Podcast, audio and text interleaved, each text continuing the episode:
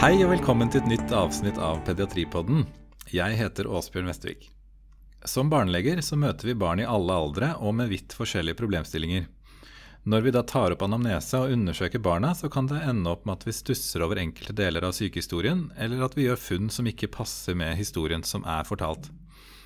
I dag skal vi snakke om et veldig viktig tema, nemlig når skal vi mistenke mishandling eller overgrep hos barn. Og Til å hjelpe oss med å svare på dette temaet, så har vi fått eh, besøk av overlege ved sosialpediatrisk seksjon Ullevål, Viktor Krohn. Velkommen til deg. Takk for det. Har du lyst til å starte med å fortelle litt eh, om din medisinske bakgrunn, Viktor? Ja, eh, jeg jobber da som overlege i sosialpediatrisk seksjon, som er Sosialpediatri er en, en del av barnemedisinen som fokuserer på nettopp vold og overgrep hos barn. Og vi eh, gjør undersøkelser eh, på barnehus og eh, på sykehus og akutt og elektivt. Og bistår også i fylkesnemnd og i retten i alvorlige saker som behandles på den måten. Og mishandling hos barn det er jo noe jeg og mange andre frykter å overse. Har vi noe tall på hvor, eh, hvor vanlig er dette egentlig? Det er overraskende vanlig. Altså når eh, ungdom selvrapporterer om dette, så får man typisk tall i størrelsesorden én av fire eller én av fem. Eh, hvis man spisser det ned til den alvorlige volden, så er det tall på ca. 8% i Norge. Eh, og for eh, overgrep så er det tilsvarende tall for jentene, altså én av, en av fem, i overkant av én av fem av jentene som forteller at de har vært utsatt for dette, og eh, ca. 7 av guttene. Så er det sånn at eh, eh, for seksuelle overgrep så er forekomsten opplagt høyere eh, hos ungdom enn hos barn. Mm. Dette er veldig høye tall. Det, overser vi det ofte? Eh, ja. Det, det er kortversjonen av svaret på det. Altså Mm. eh, det, er, det er ikke så, så lett å, å plukke opp alt det. Det er det jo eh, mange grunner til. Eh, det er eh, sånn at eh, det kan være subtile tegn, eller ingen tegn, altså at det rett og slett er usynlige. Og så kan det nok også være at eh, det er vanskelig å stille spørsmål om det, eller at man vegrer seg for å tenke tanken. Mm. Eh, og så eh, vegrer man seg kanskje også for å utsette noen for en såpass alvorlig anklage. Eh, og barn og ungdom syns det er vanskelig å fortelle om det. Og det fins Mm. også mye data på at mange venter lenge med å fortelle. Enten fordi de syns det er vanskelig å fortelle, eller fordi at de kanskje ikke har skjønt at dette ikke var lov, eller dette ikke var greit. Mm. Tror du vi ofte kunne funnet mer ut av det hvis man faktisk leter etter det? Ja, det tror jeg. Hvis man hadde, hadde stilt spørsmål, hvis det var noe som skurret, noe man eh, kunne stoppet opp ved, altså barn som ikke har det bra, eller ikke helt har godt, godt forklart plagene sine, Mm. eh, så, så tenker jeg at hvis vi hadde stilt spørsmål hyppigere, så, så hadde vi nok kunnet plukke det opp oftere. Og vi ser jo at mange har tidligere kontakter med helsevesenet, eh, som i visse tilfeller kan ha vært eh, missed opportunities. Særlig er vi opptatt av det med de alvorlige tilfellene hos eh, spedbarn. Mm. Eh, og hvis de har vært innom da med failure to thrive, eller de har vært, mistilpassa, hatt kramper eller livløshetsanfall, sånn brue, Mm. da, da tenker vi at eh, særlig hos de burde man være oppmerksom på dette som en differensialdiagnose. Mm. Vet vi noe om hvordan barnevold påvirker eh, helsen eh, framtidig? Altså, det er kommet mye data om det de siste tiårene. Um, så hvis vi ser bort ifra hodeskaden hos spedbarn, så er det heldigvis ikke så mange som får sånn varig direkte men av selve skaden. Men vold, og særlig utryggheten den skaper, kan, gi, kan indirekte gi alvorlige konsekvenser for fremtidige helseutsikter. Og lenge har man skjønt at så var tilfellet for eh, psykiske helseplager og konsentrasjonsvansker, utagering, dissosiering, sånne ting. Eh, og etter hvert beslutningstaging, læring og stresstoleranse. Men eh, det at eh, det også gir betyd, betydelig forringede utsikter for fysisk helse, det er noe som er tilkommet de siste tiårene særlig, da, at man er blitt mer, mer bevisst på det. Ja.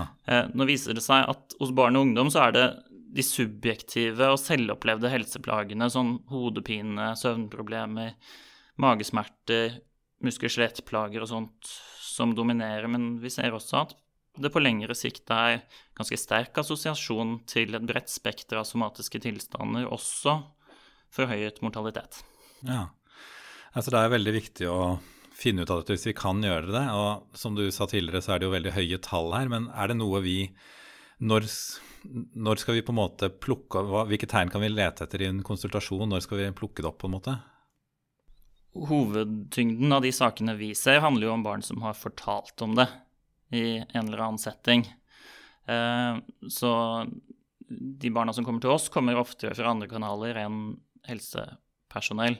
Eh, Men eh, i en sånn, sånn konsultasjonssetting så tenker jeg at man burde reagere på det hvis man ser skader, uforklarte skader. Gjerne spørre hvis man ser skader. Hvordan, hvordan tilkom det, eller hva er det som har skjedd her? Sånn helt åpent. Um, og så hvis kart og, kart og terreng ikke passer sammen Mm. Altså hvis du får en forklaring på en skade du ser som ikke passer så godt med den observerte skaden, så er dette viktig. Um, altså hvis du får en dårlig magefølelse, og det kan være mange ting som kan bidra til det, altså at barnet omtales med mye negativt ladde adjektiv, f.eks. Uh, at det er noen andre som får skylden, eller barnet har skader som det selv får skylden for, for, eller som angis å være selvpåført uten at barna har forutsetninger for det. Det gjelder særlig hos de minste, da. Eller hvis det er dårlig samspill, barn, barn som mistrives eh, spesielt, eller særlig sårbare barn eller sårbare familier, da, hvor toleransen for, eh, for eh, atferd og utagering, som jo er ganske vanlig hos barn, blir redusert. Og hvis du da finner dette, Har du noe råd til hvordan vi skal journalføre det? For det kan jo bli viktige dokumenter for framtiden hvis det blir en sak, det her. Det er særlig nyttig å bruke direkte sitater eh, og få skrevet det ned. Så vi pleier alltid å være to. Eh, ha en som holder flyten i samtalen, og en som noterer ned utsagnene som kommer. Det er også viktig å, å få, få frem hvordan informasjonen er fremkommet. Sånn at uh, direkte sitat på hvordan spørsmålet er stilt, og svar i, med barnets ord. Det, Mm. det er veldig, veldig nyttig både for politi og barnevern hvis dette blir en sak senere. Uh, og dokumentasjon involverer jo i mange tilfeller ofte bilde eller video også, da, så ha en logistikk på plass for det, sånn at man helst slipper å bruke private mobiler og, og sånt. For det, det, det, det burde man ha i en mottakssetting, og gjerne på et legekontor og sånt også. Og når det gjelder da over, eller seksuelle overgrep og mishandling, er det samme pass, eller er det samme personer som ofte blir utsatt for dette, eller er det Altså, det er jo hyppig nok forekommende fenomener, dette her, til at det er nødt til å være en del overlapp. Og vi tenker oss at er du utsatt for én, så er du nok mer sårbar for å bli utsatt for flere. Men det er, det er forskjeller mellom eh, vold og overgrep. Altså, det er, ikke, det, er ikke, det er ikke lignende fenomener sånn egentlig. Uh, av de barna som kommer til oss med spørsmål om vold, så er det en overhyppighet eh, av barn til foreldre som kommer fra kulturer hvor vold fortsatt er en del av vanlig, vanlig barneoppdragelse. Det har det jo vært i vår kultur også, men det begynner å bli et stykke tilbake i tid. Um, og for seksuelle overgrep så syns vi at det speiler uh, tverrsnittet av befolkningen, eh, både for etnisitet og sosioøkonomisk status, mye mer, da. Hvis vi eh, ja, fortsetter litt med overgrep, kunne, eh, sånn overgrepsundersøkelse, kunne du fortalt oss litt hvordan dette gjennomføres? Ja, um, da kommer man til, eh, til en undersøkelse hvor man begynner med en sykehistorie som i alle, alle andre tilfeller, og anerkjenner bakgrunnen for undersøkelsen, undersøkelsen og eh, helst forbereder pasient og pårørende på eh, hvordan det foregår, og hva de kan vente å få ut av den. For det er ofte mye forventninger i forkant som ikke nødvendigvis er så realistiske. Og så, eh, så eh, undersøker man primært med blikket og videokamera med stor forstørrelse for eh, dokumentasjon, og det skal ikke være smertefullt. Altså, det er jo et sensitivt område vi undersøker når vi undersøker genitalia og sånt. Um, og det, det, kan man si fra om i forkant at det skal ikke være smertefullt, at man skal trekke seg, og lav terskel for å trekke seg, for man skal ikke retraumatisere noen av disse barna. Uh, jeg tenker også at det er fint å, å begynne med å, å, undersøke andre deler av kroppen, sånn at det blir en litt sånn helhetlig uh, undersøkelse av kroppen og mer naturlig. Så ikke gå, rett, ikke gå rett på, på en måte, men starte litt Ik Ikke gå rett ned i bleia eller rett ned i underbuksa. Mm.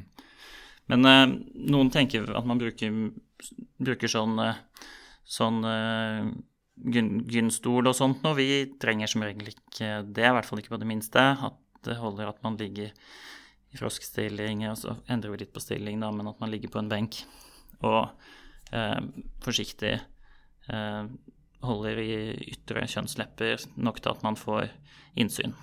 Mm. Så det altså bruker, bruker, nesten aldri spekel, bortsett fra på de som er eh, kommet i puberteten. Og eh, eh det eneste som går inn i kroppsåpninger, er prøvepinner, da. Mm. Typisk. typisk. Og nå jobber jo vi på sykehus begge to, men de som, disse undersøkelsene gjøres jo også her på sykehuset. Gjøres det mm. noe ute også, eller? Det gjøres i noen grad på barnehus. Og i Altså, man, man ser jo på underliv eh, på helsestasjoner og fastlegekontor og legevakter også. Bakgrunnen for mistanker er mye forskjellig. Er, på de minste barna er det ofte andre ting enn uttalelser. At noen har tenkt i disse baner fordi det har vært rødt nedentil, eller man syns man har sett en forandring nedentil. Eh, den type ting. Så det er mye, mye forskjellig som kan trygge en sånn eh, mistanke. Så vi vil jo gjerne at man i hvert fall på de minste barna også ser på de ute, da. Mm. Og når man gjør en sånn undersøkelse, hvis den er normal, utelukker det i noen grad uh, at det har vært et overgrep? Altså, Lenge så trodde man at det var mulig å se det på særlig jentene, om det hadde forekommet penetrerende overgrep. Eh, men etter hvert så er det blitt veldig tydelig at det er normalt å være normal, uavhengig av om det har skjedd overgrep eller ikke, og at jomfruhinnen den er en myte. Så her må jeg få trekke fram eh, Arne Myhre fra Trondheim, som har gjort et veldig viktig pionerarbeid rundt det. Nå anslår vi at eh, det er ja, i størrelsesorden 3-4% av barn som har vært utsatt som har vært utsatt for overgrep, som vil ha synlige forandringer som følge av overgrepet, og de er ofte ikke synlige så lenge heller. Dette er et område med god blodtilførsel som leger seg lett og kjapt. Og så har vi, har vi nå Nå bruker vi begrepet skjedekrans. Da. Det foretrekkes fremfor det eldre begrepet jomfruhinne, fordi det er mye bedre å beskrive vevet som faktisk er der. Eh, det er veldig elastisk, og det kan være uskadet selv hos eh, gravide som har vært seksuelt aktive lenge. Ja, nettopp. Hvis vi går litt over til mishandling, så tenker jeg fysisk mishandling. Um, hvordan, uh, hvordan, vurderer vi skader med tanke på det? Da ser vi på, på typeskader, da.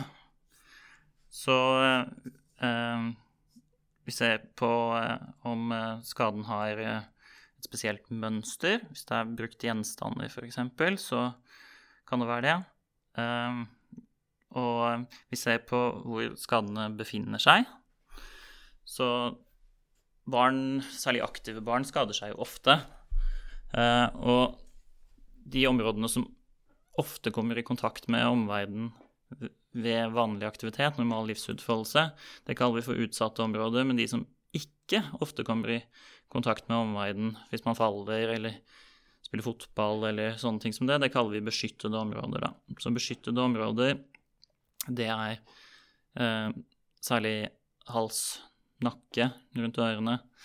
Eh, og så er det eh, under armene, armene, altså på innsiden av armene og armhulene.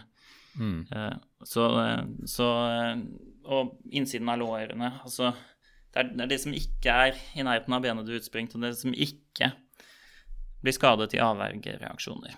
Mm. Og det er kanskje de områdene vi vanligvis ikke er så flinke å se etter også, kanskje? Det, Ja, absolutt. Du må, jo- må gjerne bevege litt på bevege litt på noen kroppsdeler for å slippe inn eh, taklyset eller dagslyset for å komme til, da.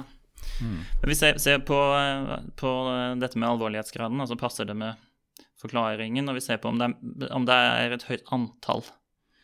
Så om antallet passer med hvor mobilt barnet er, den livsførselen barnet har. Eh, og der hender det at, eh, mange, at noen blir bekymret for, eh, for eh, vold i sånne ITP-type situasjoner eller, eller um, leukemi-type situasjoner. Men altså, dette er jo en differensialdiagnose. Mm. Så, så er vi opptatt av alder, da. Vi vurderer, prøver å vurdere alder, men det er vanskelig på skader. Men det, å skille mellom ferske og ferdig tildelede skader er ikke så vanskelig. Så, så vi ser på om, eh, på om alder kan passe med det som er oppgitt stadie, stadiet av tilhelling, da. Mm. Hvordan er det med brudd, da? Klarer vi å definere eller vurdere om dette er plausibel forklaring eller påført? Noen ganger, noen ganger ja, andre ganger nei. Altså, det kommer jo an på, på eh, forklaringen, og også der kommer det an på eh, omfanget. For spedbarn så er det jo visse typer type brudd som er særlig bekymringsverdige. Eh, og det, det er sånn at hvis vi ser bakre ribbensbrudd f.eks. hos spedbarn, så blir vi bekymret for sånn klemmemekanisme. Fordi det, det, brystkassen, altså ribbenene, det når den blir skadet ved uhell, så er det gjerne laterale ribbensbrudd. Mm. Man, man får eh, også spedbarn. Eh, så når det gjelder lange rø- røde knokler, så er det, så er det metafysebrudd. Det kalles gjerne for hjørnebrudd eller bøttehangsbrudd, hvor det da brytes av sånne fragmenter ytterst på metafysen, eh, eller ytterst på benenden. Og det ser ut som bøtteanker hvis man ser det liksom fra benendesiden. Mm. Eller som en, en negleform, da. Og, eh, og det, det er også sånn som man ser lite av, eh, eller nesten ikke, i uhelltype situasjoner, og mer, eh, eller nesten bare, hos, eh, hos eh, barn under to som ikke klarer å beskytte ekstremitetene sine ved risting. Mm. Når man undersøker med tanke på mishandling på et barnehus, kan du fortelle litt om gangen i en sånn undersøkelse? Ja, så barnehusene det er, er jo sånn samarbeidsprosjekt mellom eh, politi, eh, barnevern og helse. Så utgangspunktet for en undersøkelse på barnehuset, det er en politianmeldelse. Så det er liksom der screeningen går, at det er en politianmeldt sak. Og for et barn som kommer på barnehuset, så begynner gjerne dagen med eh, et politiavhør, og så er det mange av barna som får en medisinsk undersøkelse i etterkant av det. Um, så den dagen brukes jo langt på vei til å, til å avklare alvorligheten i en bekymring, da. Og ehm, politi og barnevern har typisk en oppsummering til slutt, hvor det legges en strategi for videre håndtering, og da er det en siling. Noen skal videre i straffespor, og andre skal, skal eh, ha hjelp og tiltak fra barnevernet med gjenforening, og det er vel det det er mest av, da, og foreldreveiledning, kanskje. Hva skal vi gjøre, syns du, når vi har fått en mistanke, du har en pasient og ting passer ikke helt? Ehm, Kan vi gjøre noe verre på en måte, på noen måte, eller er det Skal vi melde alltid? Du må i hvert fall ta mistanken på alvor, og så eh, Så er det absolutt mulig å gjøre ting verre, men det er en sjanse vi som regel må ta. eh, mens vi holder tunga rett i munnen. Så kan, man kan jo begynne med å se grundig over barnet, eh, få ytre tegn til skade og dokumentere de, og så kan man stille spørsmål. Hvis man ser noe man reagerer på, still spørsmål om det.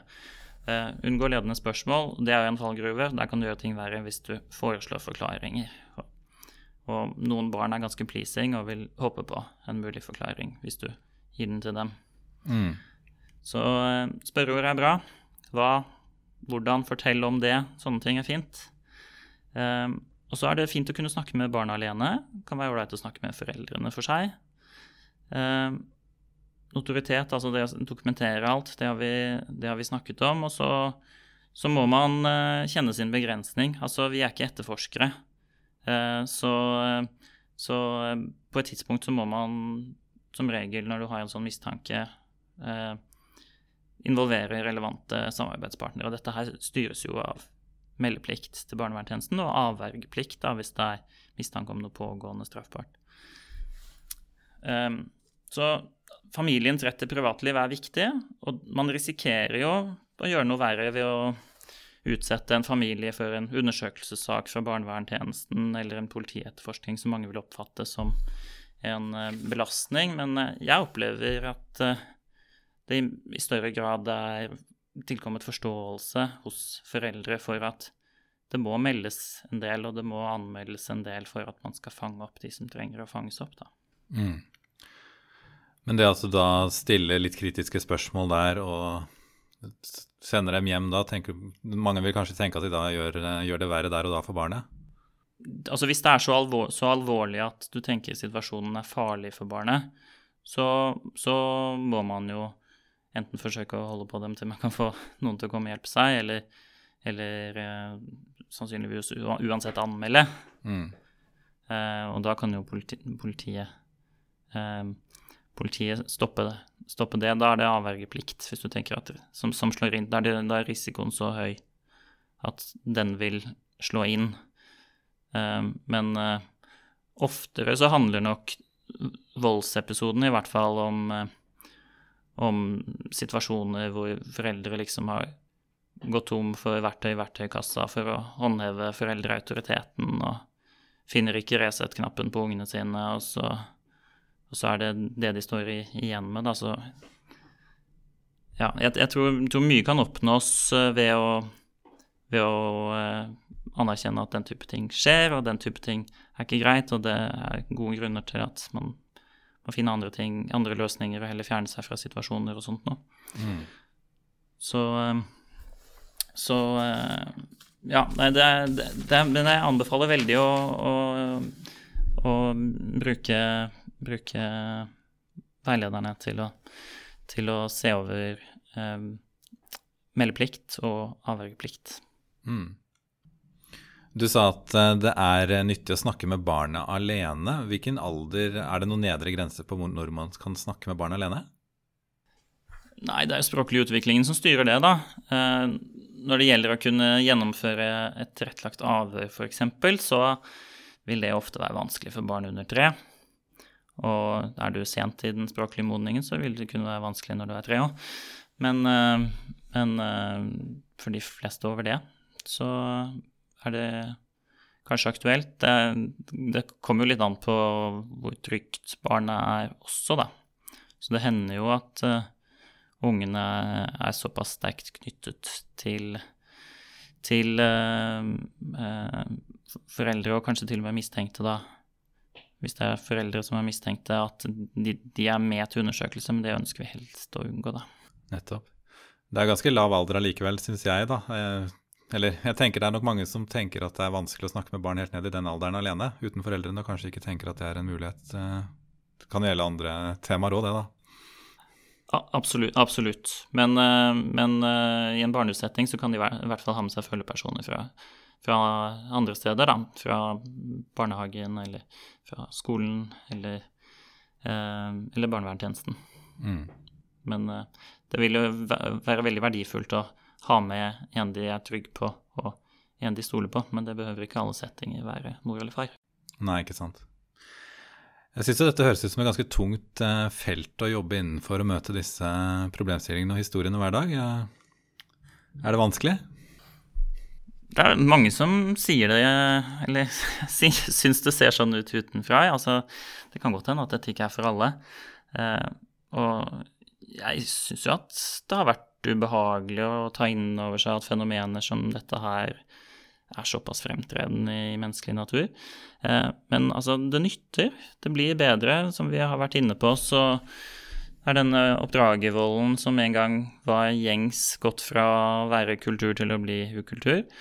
Eh, og jeg opplever at man kan gjøre en forskjell for de man møter. Og det opplever jeg som veldig meningsfullt. Og så er det spennende å jobbe utadrettet og i samarbeid med andre instanser og fagfelt utenfor helse. Um, så tenker jeg at det hjelper veldig om man har gode kolleger da, som man får snakket om følelsene dette utløser, og som kan gi beslutningsstøtte i vanskelige avveininger. Det beskytter nok en del. Og så har vi jo et avgrenset ansvar. Altså vi er helsepersonell, og mange av de tyngste løft, løftene for disse barna gjøres av barnevernstjenesten. Så mm det oppleves som fint å kunne være til nytte for dem, da. Så bra. Tusen takk, eh, Viktor, for at du ville komme hit og dele dine erfaringer og råd om dette temaet. Det er veldig mange punkter her som er viktig at vi husker, men har du til slutt tre hovedbudskap som det er viktig at alle lytterne sitter igjen med? Ikke vær redd for å stille spørsmål. Vær undrende. Helst åpne spørsmål og tørre å tenke tanken. Så det kan være punkt én. Og punkt to tenker jeg at uh, kan være at uh, vi må akseptere at vi, vi fra, fra helsepersonell sin side ofte ikke kommer i, kommer i, mål. Altså det er ikke vi som skal avklare om denne, det holder i denne mistanken eller ikke. Så vi må ha med oss uh, folk på laget, og det er mange som kan hjelpe både barnet og familien og deg i en sånn situasjon med å håndtere en sånn mistanke eller bekymring. Og så som punkt tre så kanskje jeg kunne foreslått eh, ta vare på ditt lokale barnevern. Altså vær ydmyk for at de har en eh, vanskelig jobb, og eh, bli kjent, snakk sammen. gi, uavhengig av hvor mye du får tilbake, de, tar, de tar taushetsplikten sin på alvor, og det er, det er bra. og vi har ofte en kortere involvering i barnets sak enn dem. Så hvis vi gir dem mye god informasjon, så blir det lettere å finne egnede tiltak og gode beslutninger. Kjempefint. Tusen takk igjen for at du kunne komme, Viktor Krohn. Takk for meg. Ja, og tusen takk til alle dere som hører på. Vi eh, høres igjen neste uke.